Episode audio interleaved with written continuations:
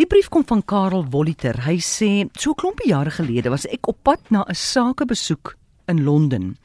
'n Goeie vriend van my, Dries Schreder, vra dat ek 'n pakkie saamneem na sy dogter Mia wat in Londen werk. Jong, ek wys dit toe beslis van die hand, want ons sou net eendag in Londen wees en ek het heeldag vergaderings en 'n sakeete in die aand. Daar's nie 'n manier dat ek by Mia gaan uitkom nie.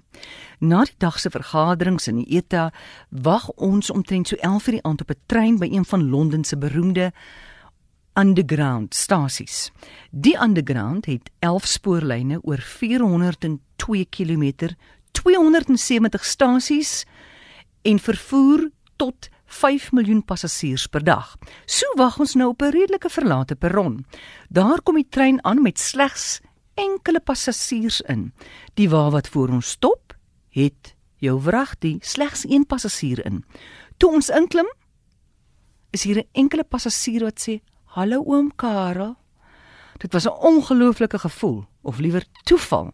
En twee ek nie eens die pakkie daar om vir haar te gee nie. Dit was toe Mia. Kan jy glo?